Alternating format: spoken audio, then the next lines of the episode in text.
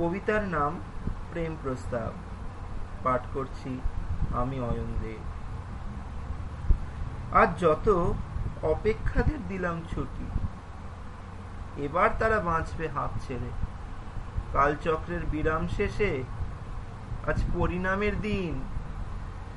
বহু জল্পনা কল্পনা শেষে মুখোমুখি, সহস্র বাস্তবতার সাথে আকাশ প্রমাণ স্বপ্ন। কি পাবে তারা? একে অপরের কাজ হতে। ওরা কি তবে শেষ সিদ্ধান্তেই মেটাবে অস্তিত্ব?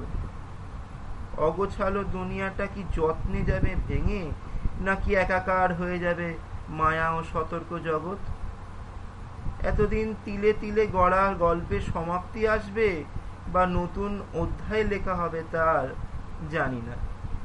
তবু জোর করেই অপেক্ষাতে দিলাম ছুটি। নমস্কার।